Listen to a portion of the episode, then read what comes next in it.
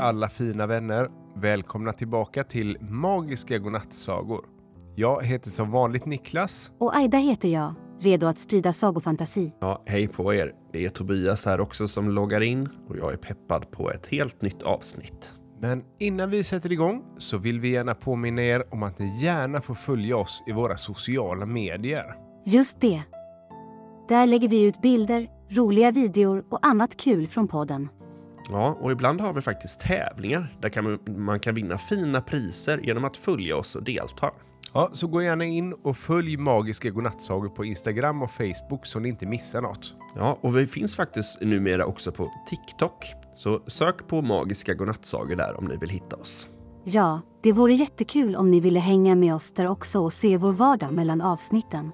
Ja, absolut. Ja, vi kommer dela massa roliga bilder och olika videos. Så till exempel så har vi en gång visat en video när Niklas misslyckades med ett trolleritrick. Nej, inga avslöjanden nu Tobias. Men på tal om överraskningar, har du köpt någon fin present till din fru Amanda inför alla hjärtans dag imorgon? Nej, men jag hoppas att hon har köpt en fotbollsbiljett till mig. Jag älskar ju fotboll. Jag vill så gärna se en match med BK Häcken snart. Ja, det låter ju verkligen som en present som du skulle uppskatta.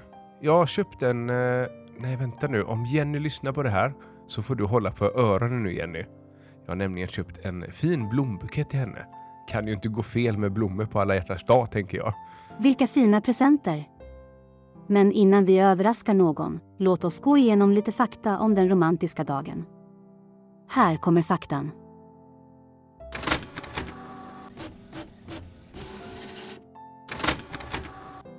Tack Aida.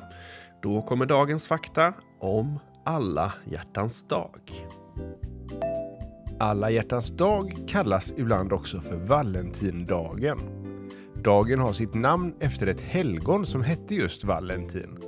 Han var en präst som levde för länge sedan i Rom, som är en stad i Italien. Han tyckte att alla borde få gifta sig med den som de tyckte om, men kejsaren tyckte inte det. Så Valentin smög sig och vigde hemliga par, men till slut blev han upptäckt och straffad. Innan han dog så skrev han ett brev till sin älskade och skrev “Från din Valentin” i slutet.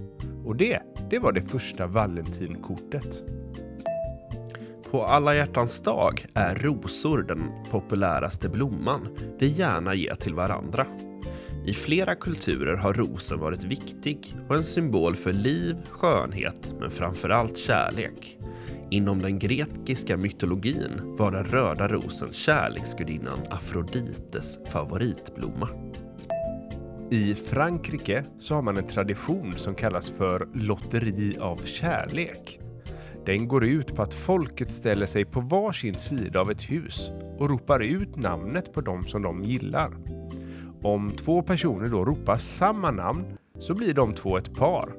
Men om de inte gör det så kan det bli bråk och därför förbjöds denna tradition av regeringen på 1700-talet. I Brasilien så firar man inte alla hjärtans dag i februari som vi gör i Sverige, utan i juni. Det beror på att det är karneval i Bras- Brasilien i februari och då är det redan så mycket fest och dans. I juni firar man istället älskarnas dag som är till minne av ett helgon som hjälpte fattiga par att gifta sig. Då ger man presenter, blommor och choklad till den man älskar. I vårt grannland österut så firar man vänskapsdagen den 14 februari och inte på alla hjärtans dag. Så gör som finnarna gör och köp en ros till någon som du tycker om eller till dina vänner. Tack för den här informationen Aida. Då vill jag presentera kvällens efterlängtade saga och den handlar om fotboll. Och den är önskad av Viggo, sju år från Göteborg, som vill höra en saga om en fotbollsmatch med ett ganska så oväntat inslag. Vi tar och lyssnar på det här önskemålet. Hej, jag heter Viggo och jag kommer från Göteborg, jag är sju år och jag vill höra en saga. De ska spela fotbollsmatch och då ska, en, då, då ska det vara Chelsea mot Tottenham och då ska en katt komma in på fotbollsplan och skjuta i mål. Vilken härlig och överraskande historia. Ja, tack Viggo för det. Nu vill vi också möta den där fantastiska fotbollskatten som Viggo önskade om. Jag skriver ut den här.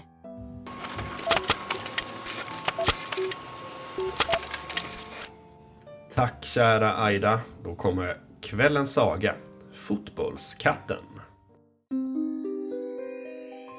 I en färgsprakande stad där fotboll var mer än bara en sport. Där varje match var som en magisk fest. Så förberedde sig invånarna för en av de mest spännande matcherna någonsin. Nämligen den mellan Chelsea och Tottenham. Den stora dagen hade kommit och stadion fylldes med glada fans. De var klädda i sina lags färger. Blått för Chelsea och vitt för Tottenham. De viftade med flaggor och sjöng sina lagvisor. Matchen drog igång med en otrolig energi. Spelarna på båda sidor visade upp sina allra bästa färdigheter. De sprang, dribblade och passade bollen med en sådan skicklighet att publiken inte kunde sitta still. Varje räddning, varje skott och varje passning möttes med jubel eller suckar från fansen. Under matchens första halvlek var det en ständig kamp om bollen. Chelsea gjorde ett snabbt mål men Tottenham svarade snabbt med ett lika imponerande mål de. Fansen var på tårna och spänningen i luften var elektrisk. Halvtidsvisslan ljöd och det var dags för en paus. Fansen pratade entusiastiskt om matchens första halvlek och spekulerade i vad den andra halvan skulle föra med sig. Ingen kunde ana den överraskning som väntade. Den andra halvleken började lika intensivt som den första. Chelsea och Tottenham kämpade hårt och det såg ut som om matchen kunde sluta lite hur som helst. Men mitt i denna spänning inträffade något oväntat. Från en liten öppning under läktaren på stadion smög en liten mystisk katt ut på planen. Den var slank och graciös med en skimrande päls som såg ut att ha alla regnbågens färger. Katten upptäcktes först inte av varken spelare eller domare och den började leka med fotbollen som om den alltid hade gjort det. Publiken tystnade av förvåning när de väl såg katten. Den dribblade förbi spelarna med lätthet, som om den dansade över gräset. Spelarna stannade upp och var lika förvånade som alla andra och tittade på den otroliga uppvisningen. Katten, som nu var matchens oväntade stjärna, gjorde sedan något otroligt. Med en snabb rörelse och en fantastisk elegans sköt den bollen rakt in i mål. Stadion exploderade i jubel och applåder. Spelarna på båda sidorna stod alldeles förstummade medan publiken fortsatte att jubla för den oväntade hjälten. Katten, som var omedveten om sin nyfunna berömmelse, satte sig stilla vid mållinjen och tittade upp med sina glittrande ögon. Som om den visste att den just hade gjort något alldeles fantastiskt. Domaren, som efter att ha återhämtat sig från chocken, blåste i sin visselpipa och signalerade att målet inte kunde räknas. Men det spelade ingen roll för fansen. De hade bevittnat en magisk stund som ingen poängtavla kunde mäta. Spelarna, som nu hade börjat spela igen, kände en ny glädje och lätthet i sina steg. Matchen fortsatte Men atmosfären, den hade förändrats. Det fanns nu en känsla av lekfullhet och under på planen. Som om katten hade lämnat en del av sin magi bakom sig. Efter matchen, som slutade lika, så pratade alla om den mystiska katten. Nyhetskanaler och sociala medier fylldes med bilder och berättelser om den fotbollsspelande katten. Barn och vuxna över hela staden började leta efter den och hoppades att få en glimt av den där magiska kattvarelsen. Den där kvällen sen, när stjärnorna tindrade på himlen och månen sken klart, så samlades hela familjer för att diskutera dagens händelser. Barnen lyssnade med vidöppna ögon när deras föräldrar berättade om katten som hade spelat fotboll bättre än någon professionell spelare. I förskolorna och skolorna nästa dag så var katten allt som barnen pratade om. De ritade bilder av den och lärarna ordnade små fotbollsmatcher där barnen kunde föreställa sig att de var den magiska katten som dribblade och sköt mål med en enastående skicklighet.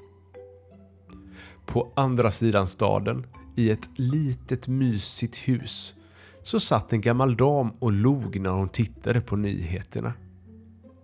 Precis bredvid henne så sov en vanlig katt, lugnt och omedveten om att den hade blivit legend över en natt.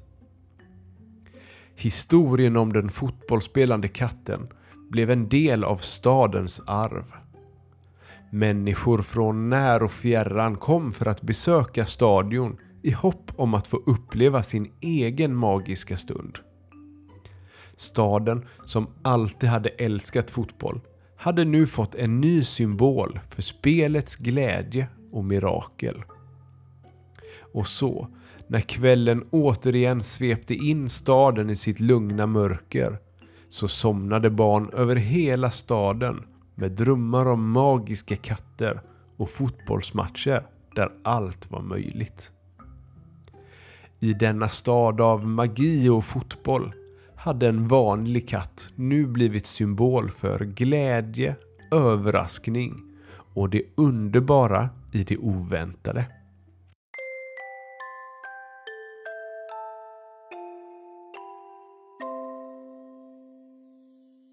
Vilken härlig och eh, överraskande historia vi fick höra. Tack Viggo för din fina idé. Nu vill jag också möta den där fantastiska fotbollskatten. Ja, den fångade verkligen magin i fotbollsvärlden. Tack för att jag fick hitta på tokigheter. God natt allihopa. Ha en mysig alla hjärtans dag. Ja, godnatt. Nu kommer jag garanterat drömma om något fotbollsaktigt här. Hoppas ni också kan få göra det. Tack för att ni lyssnade på oss. Vi hörs snart igen.